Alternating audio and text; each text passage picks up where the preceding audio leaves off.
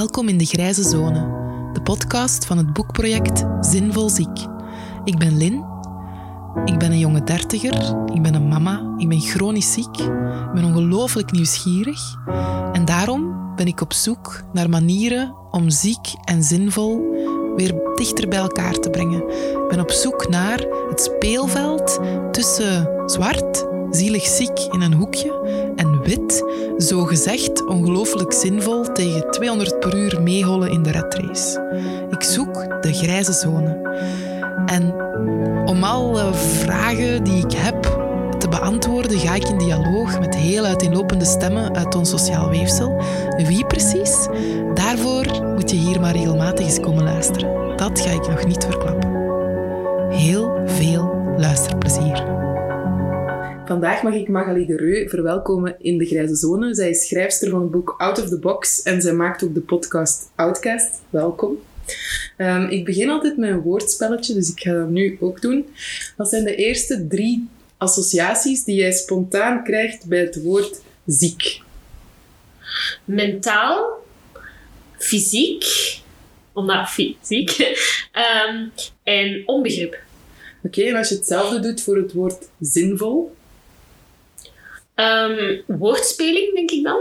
Uh, copywriting en betekenisvol.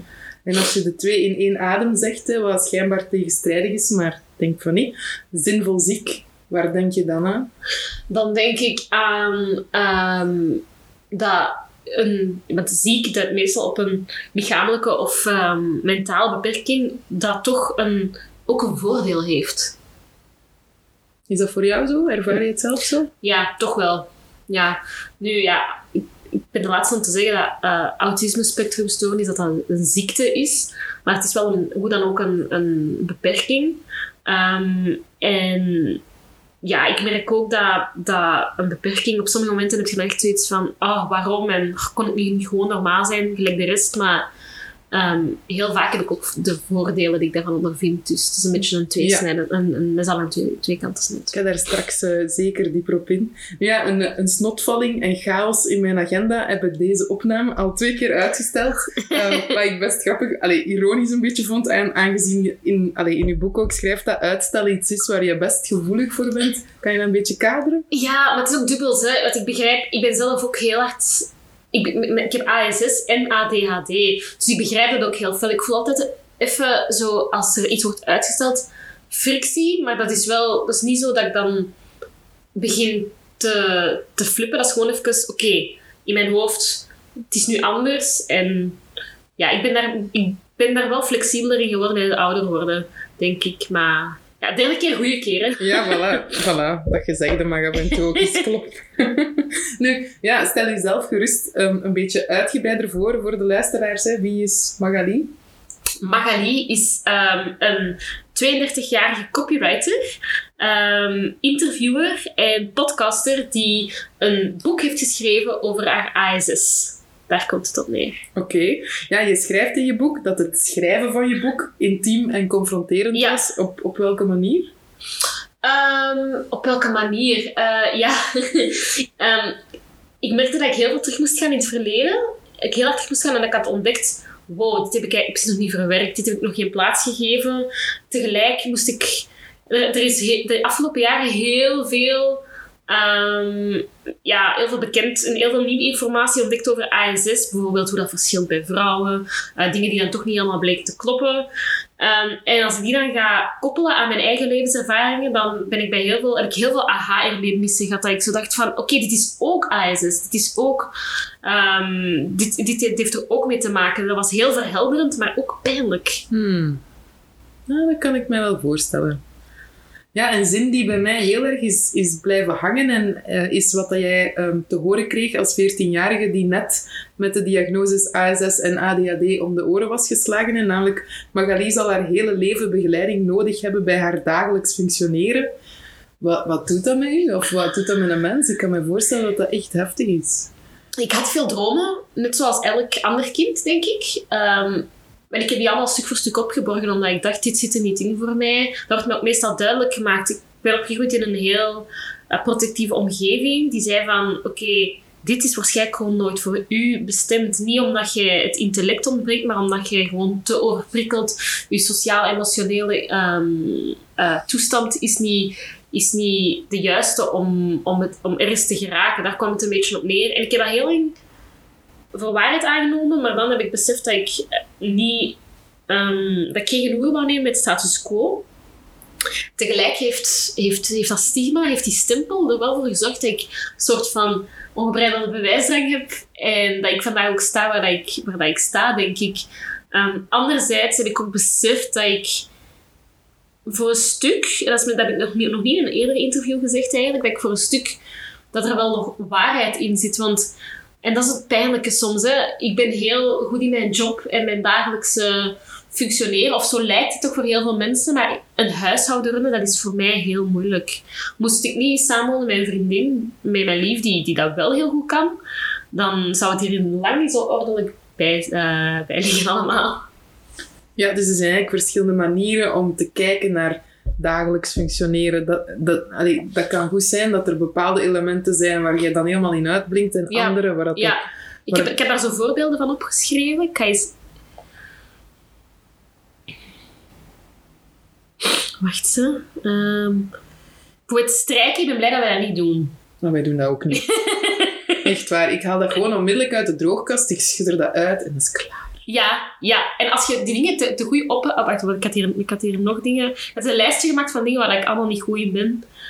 Bon, ja, eigenlijk heb ik dat lijstje ook niet nodig. Ik kan dat, ik kan dat ook op... Dat is ook heel autistisch, hè, dat, dat ik daar ga documenteren. Dit is niet voor mij bestemd, dit is niet aan, aan mij besteed.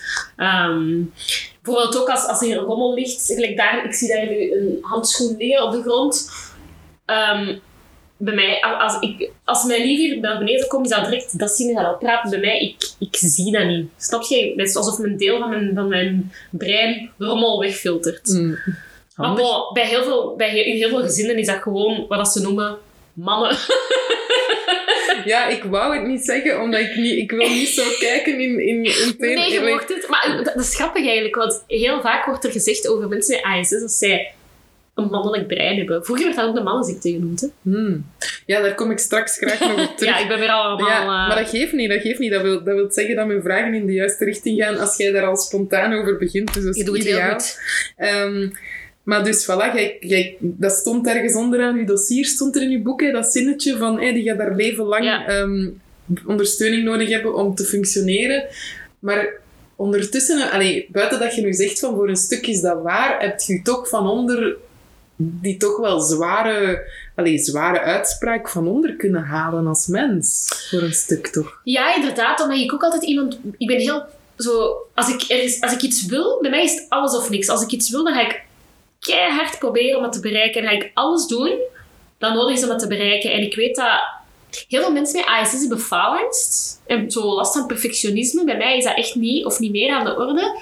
Ik heb beseft, en dat is een heel erg cliché, maar het heeft mij wel geholpen dat falen een deel is van het proces zelf. En ik heb beseft van... ehm, ik ga het proberen. En als, als het niet lukt, misschien hebben de mensen die, die, dat, die geloven dat ik, dat ik nergens ging geraken of zo. En misschien hebben die, hebben die ja gelijk, maar ik heb het dan tenminste geprobeerd. Hmm. Zo was dat ook niet toen ik zelfstandig ging worden. Hè. Wat zou je wel doen? Maar nee, jij zelfstandig. Ja, ik heb nog geen seconde spijt van gehad. Nee, ondernemerschap. Heerlijk. Ja, ik ben het helemaal eens. Nu, in, je- in je boek hou je eigenlijk een pleidooi voor meer neurodiversiteit. Ehm, dat is een hele mond vol, maar ja, hoe ziet een ideale wereld er dan voor jou uit? Weet je wat ik heel grappig vind? En grappig, dat bedoel ik eigenlijk eerder tragicomisch. Dat is dat er wordt gezegd van ehm, mensen met een met autisme-spectrumstoornis of met, die neuroatypisch zijn, die, ehm, ja, die voldoen niet. Die voldoen niet aan die norm en die passen niet in het onderwijs soms en die um, hebben een aangepast werkritme nodig. Maar eigenlijk denk ik dan van, jongens, ligt dat dan nu echt aan al die mensen? Of misschien is de samenleving, moet die, is die toch niet zo, ehm, ja, moet je die toch niet zo homogeen gaan, gaan, gaan indelen? Dus ja, ik heb het gevoel dat, dat het, ik, hoe langer hoe meer heb ik het gevoel dat dit een, eerder een tekortkoming is van de neurotypische samenleving. En om op uw vraag te antwoorden, ik zie, ik vind dat we weg moeten van, van, van keurslijven. Ik vind dat we weg moeten van eh, van, van, van stigma's. Ik vind dat we... ehm, ja, bijvoorbeeld onlangs, dat vond ik echt heel knap. Ik heb een klant waarmee ik samenwerk en die... ehm, de bedoeling is dat mensen naar kantoor komen. Toen dat de maatregelen van corona versoepelden, terug naar kantoor. Voor mij gaf dat, mij gaf heel veel stress. En zeiden van, ja, maar ja... ehm, we kunnen hier eh, toch geen uitzondering maken, want ja, iedereen moet dat, maar ik ben niet iedereen. En ik heb dat dan ook proberen uitleggen en dat was heel moeilijk. Dat was ook een werk van lange adem, maar uiteindelijk hebben die dat toch gezegd. En hebben gezegd van, we doen dit normaal niet. En ik ben blij dat er daar wel zo die, dat die kentering er begint te komen. Ja, ja, ja. Maar, mm, maar misschien toch nog een beetje verdiepen, hè, want de dingen die dan vandaag, allee, die, die dan vandaag, die, die neurotypische normen, ehm, kan je er een aantal opsommen waarvan je denkt van ja, daar loop ik Ja. echt tegenaan. Ja. Allee, ik bedoel, dat is echt lastig. Waar ik heel veel zenuwen van krijg, is ehm, het tussen de regels moeten lezen. Ehm, er staat ook zo in mijn boek, men zegt X, maar men bedoelt Y. Hmm. Ik vind dat heel vermoeiend. En ik, doe dat, ik weiger daar gewoon aan mee te doen. Soms probeer ik dat wel, maar ik, ja, ik vind dat echt super moeilijk. Eh, daar loop ik ook heel hard tegen aan, want ik heb ook al, al de, de opmerking gekregen dat ik te direct ben soms. Ehm, en dat, dat, dat ze zeggen dat dan echt te direct. Niet te grof of, te, of niet sympathiek. Want mensen denken altijd dat direct zijn, dat dat een, een, het equivalent is van, van gemeen zijn. Hmm. Maar dat is niet. Dat, je kunt gewoon ook zeggen waar het op staat zonder without being a dick. Zo snap je? Uh, dus daar worstel ik heel hard mee. Ik merk ook heel fel dat ik veel minder uh, lawaai kan verdragen. Dat ik heel uh, auditief, heel veel auditieve gevoel, overgevoeligheid heb. Ehm, ik heb ook heel veel last van... Ik heb ook heel snel kou. Maar ik kan echt zo ongelukkig worden van kou. Dat ik echt wil huilen. Hmm. En dat is ook iets dat mensen... Ik heb, en dat brengt mij meteen bij mijn volgende punt. Ik heb een hele lage pijngrens. En wat doen mensen? Als een kindje valt en zich pijn doet, dan zeggen, dan zeggen ouders vaak... Het is niet erg. Het is niet erg, je moet er niet om wenen, dat doet geen pijn, maar dat is eigenlijk gewoon gaslighten. Hè? Ja, ja, ja, absoluut. Dat vind ik echt niet oké. Hmm. Um, en ik heb, dat, ik, heb dat, ja, ik heb dat op heel veel plaatsen, dat je daar vandaag nog mee wordt geconfronteerd, bij de kapper, dat, ze, dat er soms wel eens wordt gelachen van, allee, ze heeft weer pijn, bij het kleuren van mijn, van mijn haar, dan word ik, word ik soms echt, er voel- komen er tranen in mijn ogen. Hè? En dat is super raar, want je moet dan als 32 jaar persoon uitleggen waarom dat je huilt over pijn. Hmm. En ik heb het hetzelfde met corona. Ik voel, ik voel dat echt. Ik voel dat verdriet zelfs terugkomen. Dat is echt raar. Hetzelfde met corona. Ik moest dan een paar keer tests doen omdat ik op reis wil gaan. En in Curaçao moesten we dan een test gaan doen voordat we gingen doorreizen naar Amerika. En ik vroeg of mijn vriendin erbij mocht zijn, want echt, die test, ik vind dat verschrikkelijk. Ga zo hoog in de neus. Ja, Ja, ja. ja. Het is niet gezellig. Nee. Nee, en ze vroegen dan van, ah, hoe oud zijt jij? En ik zei, ja, 32. Ah, ja, nee, dat gaat niet. Dus dat was echt heel, dat voelde echt heel oncomfortabel en onveilig aan. Dus daar merk ik echt wel, op die vlakken merk ik echt wel dat ik niet pas in. En ik heb dat vaak nog met, met die veranderende coronamaatregelen. Voor iedereen is het vervelend. Ja, hè? Om de ja. vijf botten overlegcomité. Maar voor mij is dat echt ik wil daar, ja, ik, kan daar, ik wil daar echt vanuit mijn lijf springen bijna van door die constante verandering en onzekerheid. Echt serieus. Dat klinkt nu heel, heel arrogant om zo te zeggen, maar twee maanden, of anderhalve maand geleden, toen die cijfers zo lichtjes begonnen te stijgen, zei ik, ik, ik kom niet meer naar kantoor, ik wil dit niet, ik wil dit niet doen. En mensen hadden zoiets van, allee zeg, het is toch gedaan, we hebben net onze mondmaskers mogen afdoen. En Hmm. zo die, het gebrek aan inzicht. De, pas op, ik zou het vrouwelijke niet beter kunnen doen dan de regering. En ik heb echt respect voor de kroon van de brokken en wat die doen.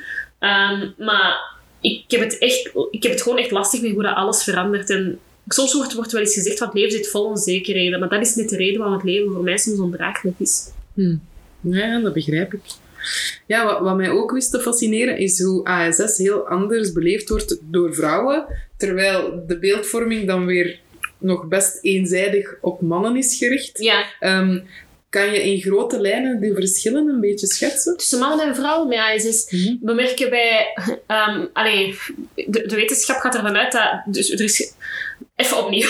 Onderzoek heeft aangetoond dat mannen met ASS, eh, dat die doorgaans misschien iets minder behoefte hebben aan sociaal contact dan vrouwen. Vrouwen met ASS zijn vaak extraverter. En, en we weten ook dat vrouwen moeten voldoen aan veel meer ja, normen en beleefdheid en galant en elegant. In de, ja, Verwachtingspatronen, ja. in de pas moeten lopen.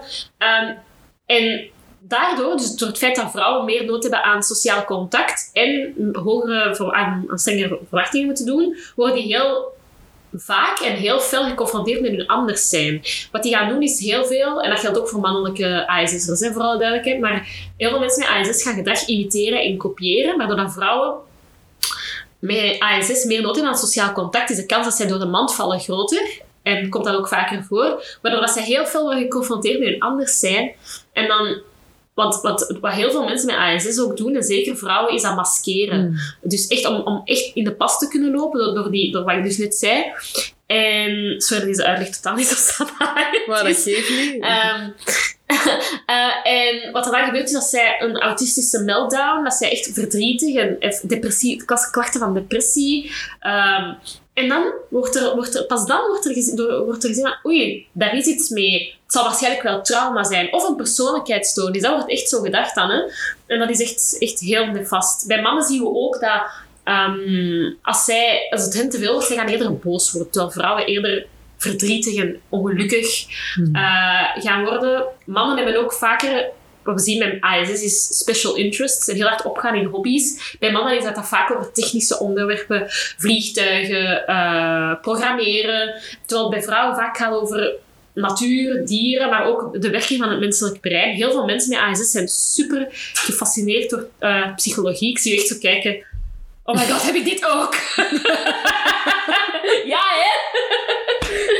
Wel, als ik aan het lezen was, heb ik echt een paar keer gedacht... Wacht, ik kan echt al belachelijk veel vinkjes aanduiden. Hoezo? Maar dan kwam er het stukje waarin je zei van... Er is ongelooflijk veel overlap tussen ASS en hoogsensitiviteit. Met dat groot verschil dat mensen met hoogsensitiviteit non-verbale communicatie zeer goed kunnen aanvoelen. Ja. En, en daar, dat, dat is bij mij... Dat is altijd. Ik kan echt in een ruimte binnenkomen en gewoon door te kijken naar iedereen al, al echt zo'n gevoel hebben van... Ah ja... Ja, Ehm, dus dus dat, allee, dat, mijn voelsprieten zijn op dat vlak echt... maar dat kan, dat kan ook ASS zijn, hè? Ja. Ja, het, het probleem is, en daar wil ik ze- nee, dat- ik ga gewoon uw flow eh, volgen, maar ik wil zeker iets zeggen over, eh, over hoogsensitiviteit. Ehm, maar ehm, welke verschillen dat er nog zijn? Ja, bijvoorbeeld vrouwen. ehm, er wordt gedacht bij vrouwen met ASS dat, die, dat er een grotere kans is dat die ehm, in de LGBTQA+, zeg ik het juist? Ja, hè? Mhm. eh, eh, eh, categorieën vallen. Dat die ofwel biseksueel, eh lesbisch, homoseksueel, ehm, eh, asexueel, zo die, die dat anders zijn, dat dingen die niet voldoen aan de, wat in onze maatschappij de norm is, dat die daar ook invallen. Mezelf in kluis trouwens. Mhm. Ehm, ook heel eh, opvallend is dat, dat vrouwen met ASS dat zij veel meer hormonale klachten hebben. Dat is niet dat heel onderbelicht is. Ehm, En bedoel je daarmee dan schildklieren zo? Of, Nee, of eerder dat zij heel veel last hebben van PMS. Ah ja. Mhm. Ehm, ja, die dingen. En dat zijn allemaal... ah, dat, is- dat, dat, dat, dat is zo lang zo onderbelicht eh, gebleven. En dat, ja, ik, vind dat, ik vind dat echt schrijnend. Mhm. Ja, en zijn er, of zie jij dan ook gevolgen op hoe, op hoe meisjes en vrouwen begeleid worden na een diagnose? Omdat er dan nog altijd een vrij typische, dit is de autist, ehm, allee, of, en, en vaak gebaseerd misschien nog wel op dat mannelijk beeld. Ehm, is er... Vooral in mijn geval. En ik denk, want ik heb mijn diagnose gekregen in 2003. Dat is nu 18 jaar geleden. En toen, ik ben echt benaderd vanuit die mannelijke blik. Zo van... Geef haar... En dat is nog zoiets. Hè, bij, bij, ze, ze wordt tegen mij gezegd, geef haar structuur. Zit, als ze tot dat uur tv mag kijken, zet daar een teller op. Maar zo werkt dat niet. Dat, dat, is echt heel, dat is echt heel grappig, want eigenlijk binnen ASS wordt er... In, een deel van ASS is dat, ze heel, dat mensen heel zwart-wit denken. Maar heel lang werd ASS ook heel zwart-wit benaderd. Dus Hmm. ja, dat was vooral vroeger het geval. Maar zeker omdat er, ja, naarmate er meer informatie beschikbaar is, of nieuw onderzoek aan het licht is gekomen, dan daar is toch wel een, een verandering. Maar het is vooral, we merken wel dat in vorige generaties er nog heel veel werk aan de winkel is. eh, rond ASS. En niet alleen rond ASS trouwens. Het zijn vaak de generaties die bij zo'n verandering of een evolutie eh, het, het minst makkelijk mee te krijgen zijn. Mhm. Oké. Ja, en ehm, jij ziet jouw autisme-spectrumstoornis intussen niet meer als een beperking, maar als een kans om te leven volgens je eigen handleiding, had je het, eh, had je het verwoord, vond ik heel mooi. Ehm, maar ik neem aan dat dat wel een heel groeiproces is geweest. Hè? Oh ja, absoluut. Ik heb ook geleerd dat om dat te kunnen, om dat dus echt van een beperking een versterking te maken, zoals ik het noem, ehm, is er vooral een heel ontvankelijke en een begripvolle omgeving nodig. Dat is echt wel stap één. En ook heel veel zelfkennis. Hmm. Ik, ben, ik ben zelf, en ik vind dat oké, want ik ben ook iemand, ik leer door dingen fout te doen. Mhm. Hoe meer dingen dat ik fout doe, hoe vaker dat ik... Ik ga zoveel dingen... ik- bij een, een nieuw proces ga ik zoveel dingen fout doen, dat ik uiteindelijk wel leer wat de juiste manier is, zeg maar. En dat is met mijn ASS ook zo geweest. Ehm, dus ja, dat is zeker een heel proces geweest. En dat is nog altijd een proces, eigenlijk. Ik, ik, merk, ik merk vaak dat ik over mijn eigen grenzen ga door erover te gaan. Ja, dat je dat bijna nodig hebt. Allee, Ja, Ja. ja. Oké. En, en kan je enkele voorbeelden geven van hoe jij ehm, van jouw beperking een versterking hebt gemaakt? Ja, ehm, dus ik ben, ik ben heel... Ik heb ASS en ADHD en eigenlijk, dat is, dat is belangrijk om even te kaderen, omdat dat maakt al zeker dat ik niet in het, pas in, de, in, het, in het typische beeld van, het, van wat mensen denken dat ASS inhoudt. Ehm, ik kan bijvoorbeeld door mijn ADHD heel snel switchen tussen verschillende taken en multitasken, zeg maar. Eh, terwijl we zien dat bij ASS, dat dat vaak mensen met alleen ASS, dat echt moeilijk is om zo van de ene taak snel naar de Mm. andere te gaan. Je moet er dan echt even bekomen en rusten bij is dat niet. Ik kan blijven gaan. En ik merk ook vaak dat ik... Ik heb heel veel nood aan nieuwe prikkels, maar ik raak ook heel snel overprikkeld. Dus dat is een beetje een... eh, ja, dubbelop.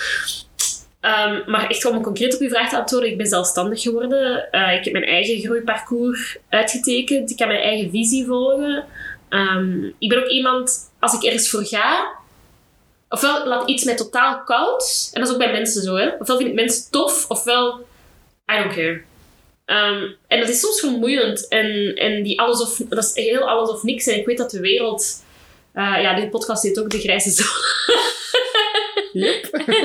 ik, ik heb ondertussen al geleerd, ik ben op heel veel vlakken daarin al geëvolueerd. Maar als het gaat over hobby's, passies, is het echt alles of niks. En dat maakt dat ik, dat ik, dat ik wel een, een bloeiende carrière heb, maar dat maakt ook soms dat ik ehm, over mijn eigen grenzen ga en te veel werk of zo.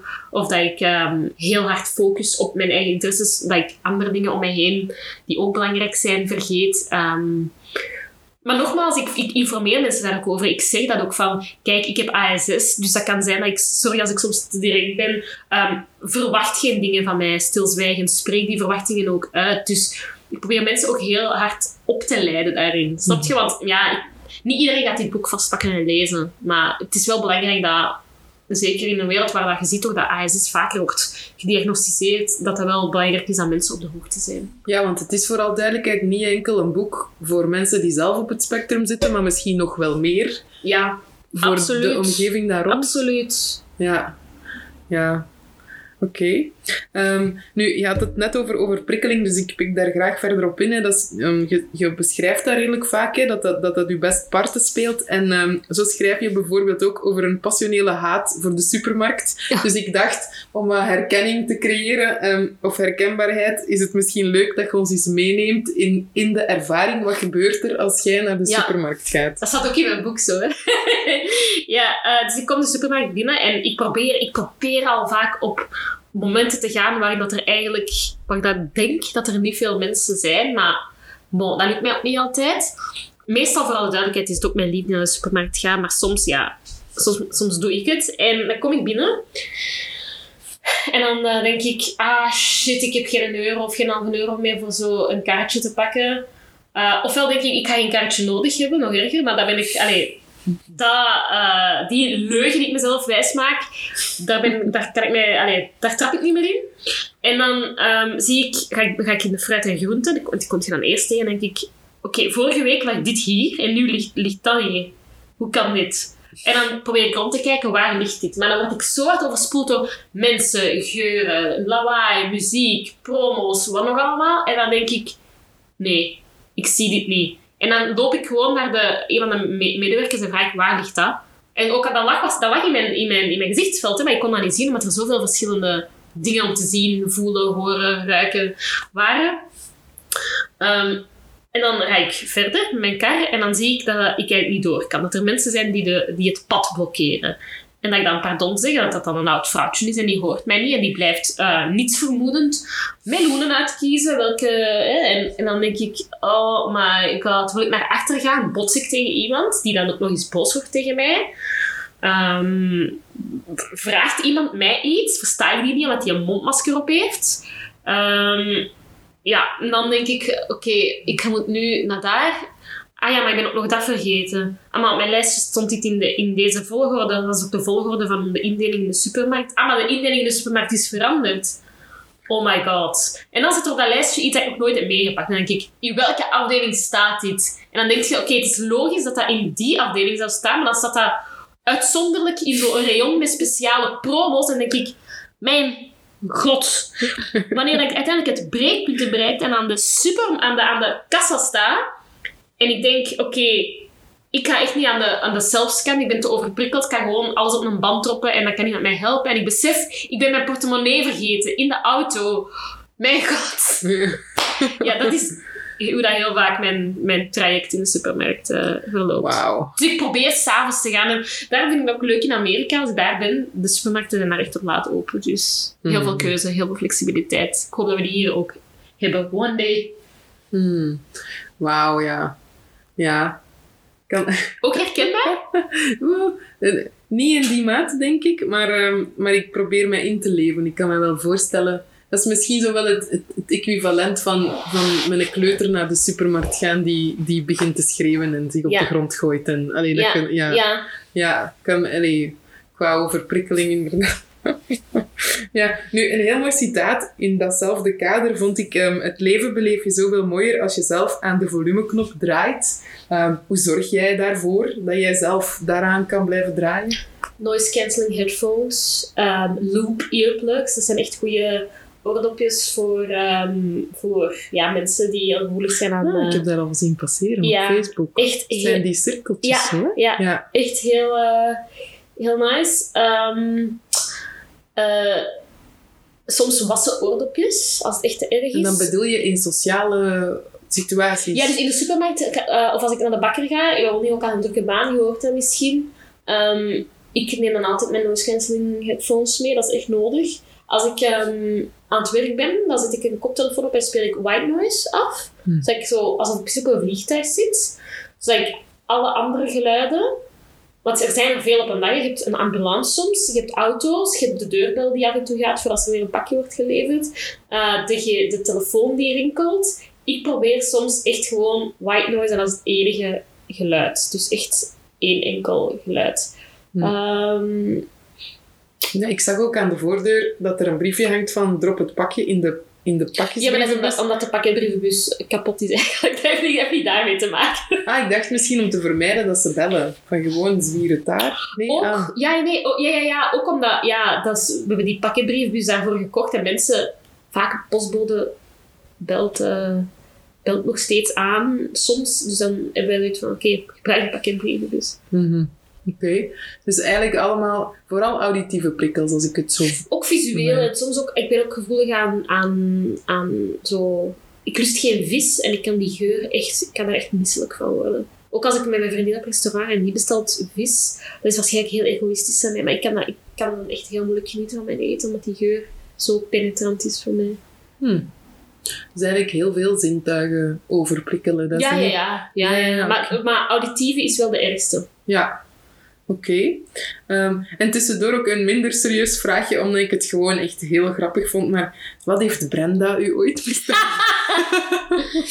ja, ik heb gewoon... Ik, ik, ja, ik wou niet Karen, Karen zeggen, ja. maar dat vond, dat vond ik al te veel. Maar ja, ik dacht, ik ga Brenda nemen. maar er, was, er is geen... Er is geen, er is geen echte oorzaak. Brenda in mijn leven, nee. Het is niet dat je ooit als kind of zo een, Brenda haar nee. uit je hoofd heeft getrokken of nee, zo. maar ik, ik ken wel... Ik, ik ken ik heb in het verleden wel een paar Brenda's gekend. en dat is nooit echt een heel tof persoon geweest. Okay. Dus misschien is het toch onbewust commentaar vandaan. I don't know. Ik vond, het, ik vond het gewoon grappig dat hij zo een paar keer terugkwam. Oké, okay, Brenda. En ik dacht echt, ah, heerlijk. Het is wel een naam dat je ook zo kunt uitspreken. Ja, inderdaad. Misschien ja, daar iets. ja, ja. maar ik vond... Uh, ik... Sorry aan alle Brenda's die mijn boek lezen. Neem het niet persoonlijk. oh, heel zalig. Hmm. Ja, ik was nieuwsgierig. Misschien, misschien zat daar, ik weet niet wat, een mooi verhaal achter. Nee, Allee, of sorry. grappig verhaal. Oké. Eh, maar dus voor wie het nog moet lezen, af en toe kom je een Brenda tegen die een beetje te stereotyp reageert op alles. Ehm, ja, wel grappig. Nu, ehm, ja, voilà, van stereotypes eh, we blijven in hetzelfde. Ehm, jouw boek is voor een stuk een strijd tegen stigma's. Welke zijn de voornaamste die we dringend moeten afleren als het gaat over ASS? Mensen met ASS kunnen niet communiceren. Mensen met ASS hebben geen empathie. Eh, mensen met ASS zijn allemaal hoogbegaafd. Eh ja, ik heb er negen hè, in mijn boek. Ja, je hebt er zelfs ook een, een, een aflevering van in de podcast, Ja, hè, waar je Ja, er- de grootste misverstanden Ja. over eh, ASS. Ik zal daar naar linken ook in de notes. Oh, dat zou heel tof Dan kunnen zijn. mensen ineens doorvloepen naar, naar die ja, aflevering. ja, dus al die misverstanden ehm, komen voort uit dat stereotyp beeld dat mensen van Maar is er eentje dat er uitspringt waarvan Ja. je denkt, die eh, empathie. echt waar? Ja? Empathie, zonder Ah, ja. twijfel. Ah, wel, ja, voilà. Ik, ik had, dat dat is grappig dat je die kiest, want ik had ehm, ook daar een, een woordspeling die heel hard was blijven hangen, is ehm, overgevoeligheid in een jasje van ongevoeligheid. Ja, Ehm, vond ik heel mooi, want allee, mensen die zogezegd ongevoelig overkomen, dat Ja. wordt vaak gekoppeld aan geen Ja. inlevingsvermogen. En maar die geen- sluiten zich vaak net af. en, maar ja, voilà, dus kan je die verdiepen? Overgevoeligheid in een jasje van ongevoeligheid? Hoe, hoe uitziet dat? Of hoe bedoelde je dat? Maar mensen met, sommige mensen met ASS, die, als, iemand, als ze zien dat iemand pijn heeft, dan kunnen ze daar niet mee meeleven. Dat, dat, dat, dat doet hen niks als het ware. Of zij, zij kunnen soms bijna onverschillig of apathisch reageren, maar dat is niet omdat ze geen empathie voelen. Dat is omdat ze zichzelf beschermen tegen een teveel aan emoties die, die wat die anderen meemaakten. Het op, zij bij een, een, een, een automatisme Mm. autisme, automatisme, om zichzelf dan compleet af te sluiten, omdat er al zoveel prikkels zijn. Omdat ze anders die pijn echt mee beleven? Ja, of? ja, in sommige gevallen wel. Soms ook niet. Hè. Soms is het gewoon echt moeilijk voor de personen, omdat, maar dat is wel vaak zo. Dat mensen die, die ja, apathisch zijn, die, of die hyperrationeel zijn, dat dat eigenlijk komt door, als beschermingsmechanisme omdat ze te veel voelen. Hmm. Er is ook een verschil tussen cognitieve en affectieve empathie. Ja. Uh, affectieve empathie is effectief meevoelen. Als jij vertelt dat je hond is doodgegaan, uh, dat, ik dan, dat ik dan wel... uh, dat, ik dan, dat ik dan voel dat, dat, u- dat ik dat erg vind voor je, maar ik zie dat jij verdriet hebt. Maar ik kan me daar heel moeilijk in inleven, omdat ik zelf geen hond heb. En dat is dan die cognitieve empathie um, of perspectieve empathie. Het echt kunnen verplaatsen in andermans schoenen. Hmm. Oké. Nou, dat is wel interessant om, om die inderdaad nog een beetje in te verdiepen, die verschillen. Ja. Ehm, hmm. Het gaat erover in mijn boek, hè, en ik heb er onlangs in mijn podcast ook over gesproken, over het verschil tussen... ehm, ja, het verschil tussen cognitieve, ja, cognitieve of perspectieve empathie versus affectieve empathie. Mhm. Oké. Ehm, ja, wat mij ook fascineerde, was de grote impact van chronische spanning. En dat komt, dat Ja. komt toch ook terug. Wat dat ook bij veel pijnsyndromen echt een katalysator voor miserie is. Ehm, dus ik, ik vroeg me af hoe dat, dat ehm, zich bij jou uit. Als er chronische spanning is, wat gebeurt er dan met u allemaal? Bedoel je chronische spanning in mijn lijf of in de Ja, situaties? spanning in, ja, in uw systeem. Allee, oh, Ehm, ik, ik heb soms dat ik heel veel hartkloppingen begin te krijgen. Dat ik van de week een paar keer. Oh, dat was echt niet aangenaam. Of dat ik dan begin te stimmen. Dat ik dan zo met mijn voeten begin te tikken. Of dat ik dan echt nood heb aan... ehm, wacht, stimmen. Even uitleggen. ja, want niet stimmen iedereen... ja. is inderdaad dat is zelfstimulerend gedrag. Uh, het, het uitvoeren van repetitieve handelingen om, uh, om, mezelf tot, tot, tot, om mezelf tot rust te kunnen brengen. Hmm. Voor heel veel mensen is dat dan uh, met de handen flapperen, met de tenen, met de voeten, lichamelijke bewegingen, maar ook bijvoorbeeld vettigheid eten, aan haar prullen. Um, uh, het, het, wat ik ook heel vaak heb, is dat ik een stuk van een lied, zo van vier seconden lang, telkens opnieuw afspeel. Maar telkens, en, enkel dat opnieuw. In uw hoofd of echt letterlijk? Nee, letterlijk. Ah, op ja. Spotify. En opnieuw, en opnieuw. Vroeger zat ik vaak met een tennisbal tegen de muur te gooien, omdat zo... Dat, las ik. Dat Ja. die, die Ja, tok. ja, dat, dat, ja, inderdaad. Ehm, eh, dat doe ik. En ja, ik heb ook een... Ik heb ook een hele... En dat is trouwens ook iets dat typisch is bij vrouwen met ASS. ehm, eetproblemen. Ik heb ook een eetstoornis. Ehm, en ik merk dat ik eten als... Dat, ik, dat dat een manier is van controle verwerven over een situatie. Ehm, In comfort ook? Is Ja, dat, is dat, is ja. dat echt emo eten? Zoals dat ze dan, Keihard. ja. keihard. En dat Ja. komt dan samen. Dus bijvoorbeeld in heel stresserende ja, ja, ja. periodes Oh is dat feller. Ja. Ga ik mezelf wel heel veel eten ontzeggen of wel heel veel ehm, binge-eating? Hm. Ja, beide zijn ongezond. En dat stimmen bijvoorbeeld valt... eh, ik- Vallen dingen als nagelbijten Ja. daar dan ook onder? Ja, Ah ja. of lipprullen. Lippro ah ja, zo, Ja, zo- zo, ja, van je lip trekken. Ah ja, oké. En ja, eh, dat is natuurlijk minder, minder happy topic, maar het, het, het brengt er ons wel toe. Het, ga, het gaat in je boek ook zelfs naar richting jezelf echt, ja, jezelf echt pijn doen. Ehm, maar is dat dan om... Komen mensen zo ook effectief tot rust? Of is dat dan is dat nog een andere vorm van escapisme? Want dat valt ook onder stimmen op een bepaalde manier. Op een bepaalde manier wel, maar ik denk dat het wel, dat is echt wel de, dat is niet echt, het is niet, het is echt gewoon een, een manier om controle te krijgen. Het is minder, stimmen is, is vaak iets onschuldiger, denk ik, maar bij Hmm. automutilatie toch niet het geval is. Nee, nee. Ik heb daar, ik heb daar wel spijt van. Ehm, ik denk dat dat ook de reden is dat er bij mij aan borderline werd gedacht. In het begin. Dat was, maar dat was vooral in de jongere jaren Ja, ja, dan. ja, ja, ja, inderdaad. Ehm, maar het komt heel vaak voor bij ASS. ehm, omdat mensen vaak geen... Omdat alles, als alles te veel pijn doet, mentaal, dan voelt het soms goed voor sommige mensen. Sorry als het trigger is voor, voor, voor bepaalde mensen, maar dan voelt het in zekere zin geruststellend om ook om, om even die focus op dat mentaal naar fysieke pijn te, te Omdat je dat dan kunt controleren. Omdat Ja. je dat zelf in Ja. de hand hebt. En omdat die prikkel Ja, exact. even alles... Ja. Ja, ik kan, Ja. kan er mij wel iets bij voorstellen, inderdaad. Ehm, Dus op een manier is het inderdaad stemming, maar ja, maar destructief. ja destructief, zeer destructief. Ja, ja. Oké. Ehm, ja, ook, u, ook jouw levenspartner ehm, weet wat het is om langdurig ziek te zijn. Hè? Jij, beschrijft ehm, in je boek het moment van diagnose. Ja, ik vond dat best heftig om te lezen, maar misschien wil je dat wel delen? Tuurlijk. Eh, het is ook een moment dat je beseft dat ik, dat ik wel empathie heb, eigenlijk. Want dus in New York had zij last van een slapend been. We waren toen twee maanden samen, we zo in, echt in die witte broodsweken van die relatie. We waren voor het eerst echt een grote reis, drie weken naar New York. Eh, we gingen daar ook werken, vandaar dat we er zo lang waren. Ehm, en ze had een, werd wakker met slapend been. En ik dacht van, ja, ze zei ook van, het zal wel overgaan. Ging niet over. We gingen naar de dokter en die zei, het sprak over neurologische dingen. En ze zei van, als dat morgen niet beter is, toch best naar de spoed gaan. En dat werd allemaal heel heftig, want je weet in Amerika, gezondheidszorg is daar veel duurder en minder toegankelijk dan hier. Ehm, we zijn dan toch naar de spoed moeten gaan. Maar we hadden nog zo met die dag heel veel gepland. En in mijn hoofd was dat, ja, maar we, we, we, hebben op de planning staan. En ziekenhuis, dat, dat hoort toch niet bij een reis. Ik voelde echt elk facet, elk, elke microvezel in mijn lijf voelde, voelde ik verzet. Maar ik kon dat heel makkelijk opzij zetten, omdat ik gewoon wou dat Brit beter werd. Want zij kon op een gegeven moment ineens niet meer stappen. Zij voelde zo'n nagel, een naaldtest in haar, eh, in haar voet. Zij voelde die prikjes niet. En dat was echt wel serieus. Hmm. We zijn daar vier dagen moeten zitten en we hebben um, ja, die diagnose van MS gekregen. En dat was heel, heel onzeker. Heel veel onzekerheid, maar vooral heel veel onzekerheid voor haar. Dus ik heb op dat moment een keer wel in geslaagd om mijn eigen noden eh, helemaal opzij te zetten voor die van haar. En dan besefte ik van, ik heb wel degelijk empathie.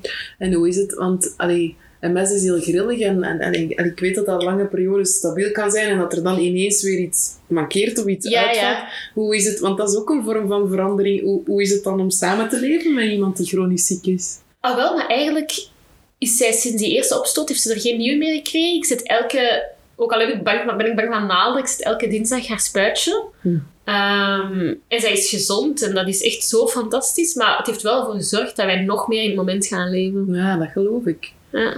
En heb je dat, allee, brengt, dat, brengt dat angst met zich mee? Het, idee dat dat, dat dat zo random is, dat dat ineens weer eens een keer op een ochtend kan voorvallen? Vroeger, omdat het, omdat het toen echt vers was en je wist niet, na die eerste opstoot gaat dit nu volgende maand opnieuw zijn. Maar nu is het al een paar jaar stabiel en we weten dat kan morgen veranderen. Dat Mm. kan, dat, zij kan binnen vijf maanden in een rolstoel zitten zelfs. Dat is heel onzeker, maar ergens heb ik wel meer geleerd dankzij... Wij lachen er ook veel mee. Snap je? Wij doen heel veel aan zelfrelativering. Mhm. En humor. Ook iets waar mensen in onze neurotypische samenleving heel moeilijk mee om kunnen. Met, met meer cynische humor ja, bedoel je dan? ja, ja.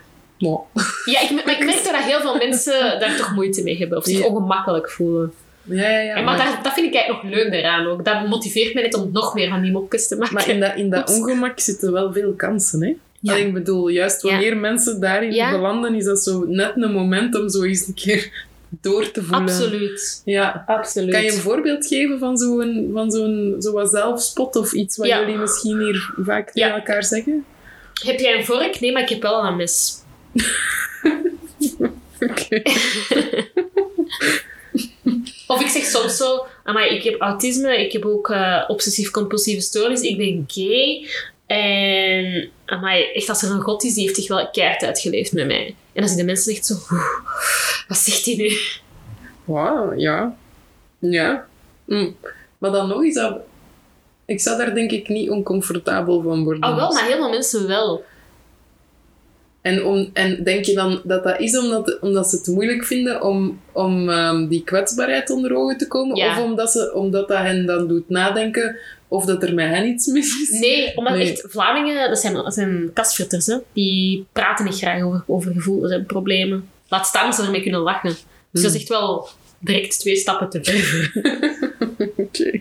Ja, maar nog een, ehm, nog een leuke uitspraak vond ik struikelen in stijl. Ehm, dat deed mij een beetje denken aan het idee van ehm, failing forward. En je hebt het ook al wel een paar keer aangehaald, maar misschien toch nog leuk als, als vraag op zich. Hè. Welke rol speelt falen in je leven? Ja, dat is ook het eerste boek waar ik aan mee heb geschreven. hè. Struikelen in stijl van Ruud Janssens.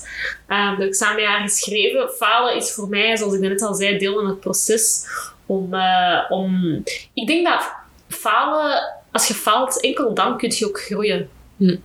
Ik zou het echt verdacht vinden moest ik een parcours hebben waarbij dat ik echt niet misluk en dat alles zo vanzelf gaat. Dan denk ik, hmm, Plus ik heb dat ook, ja, ik heb dat ook echt nodig. En door te falen, achteraf, hè, als je al die... Want iedereen kan falen van dat, dat je ineens al geld kwijt bent of dat je ineens ehm, letterlijk soms met je gezicht tegen de grond gaat. Maar dat is het niet. Het kunnen ook micromomentjes van, van falen zijn. En net na meerdere, als, eh, cumulatief gezien, na meerdere van die momentjes gaat je waar dat je staat of iets dat je hebt meer appreciëren. Omdat je zoveel faalmomenten hebt moeten doorstaan om er te geraken. Dan gaat je dat, datgene wat dat je doet... Stel dat ik in mijn job, en dat is in het begin ook geweest, dat ik heel erg moet, moeten zoeken om te geraken waar ik nu ben, dan maakt dat ik mijn job nooit vanzelfsprekend zal nemen. Hmm.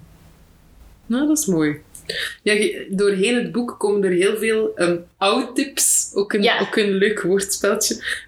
Eén daarvan is dat mensen ehm, maar beter uitkomen voor hun ASS. Mhm. Ehm, omdat openheid meer openheid zou creëren. Ehm, ja, hoe, hoe zou je mensen nog willen motiveren om, om stilletjes af te ronden, om, om open te zijn over een probleem?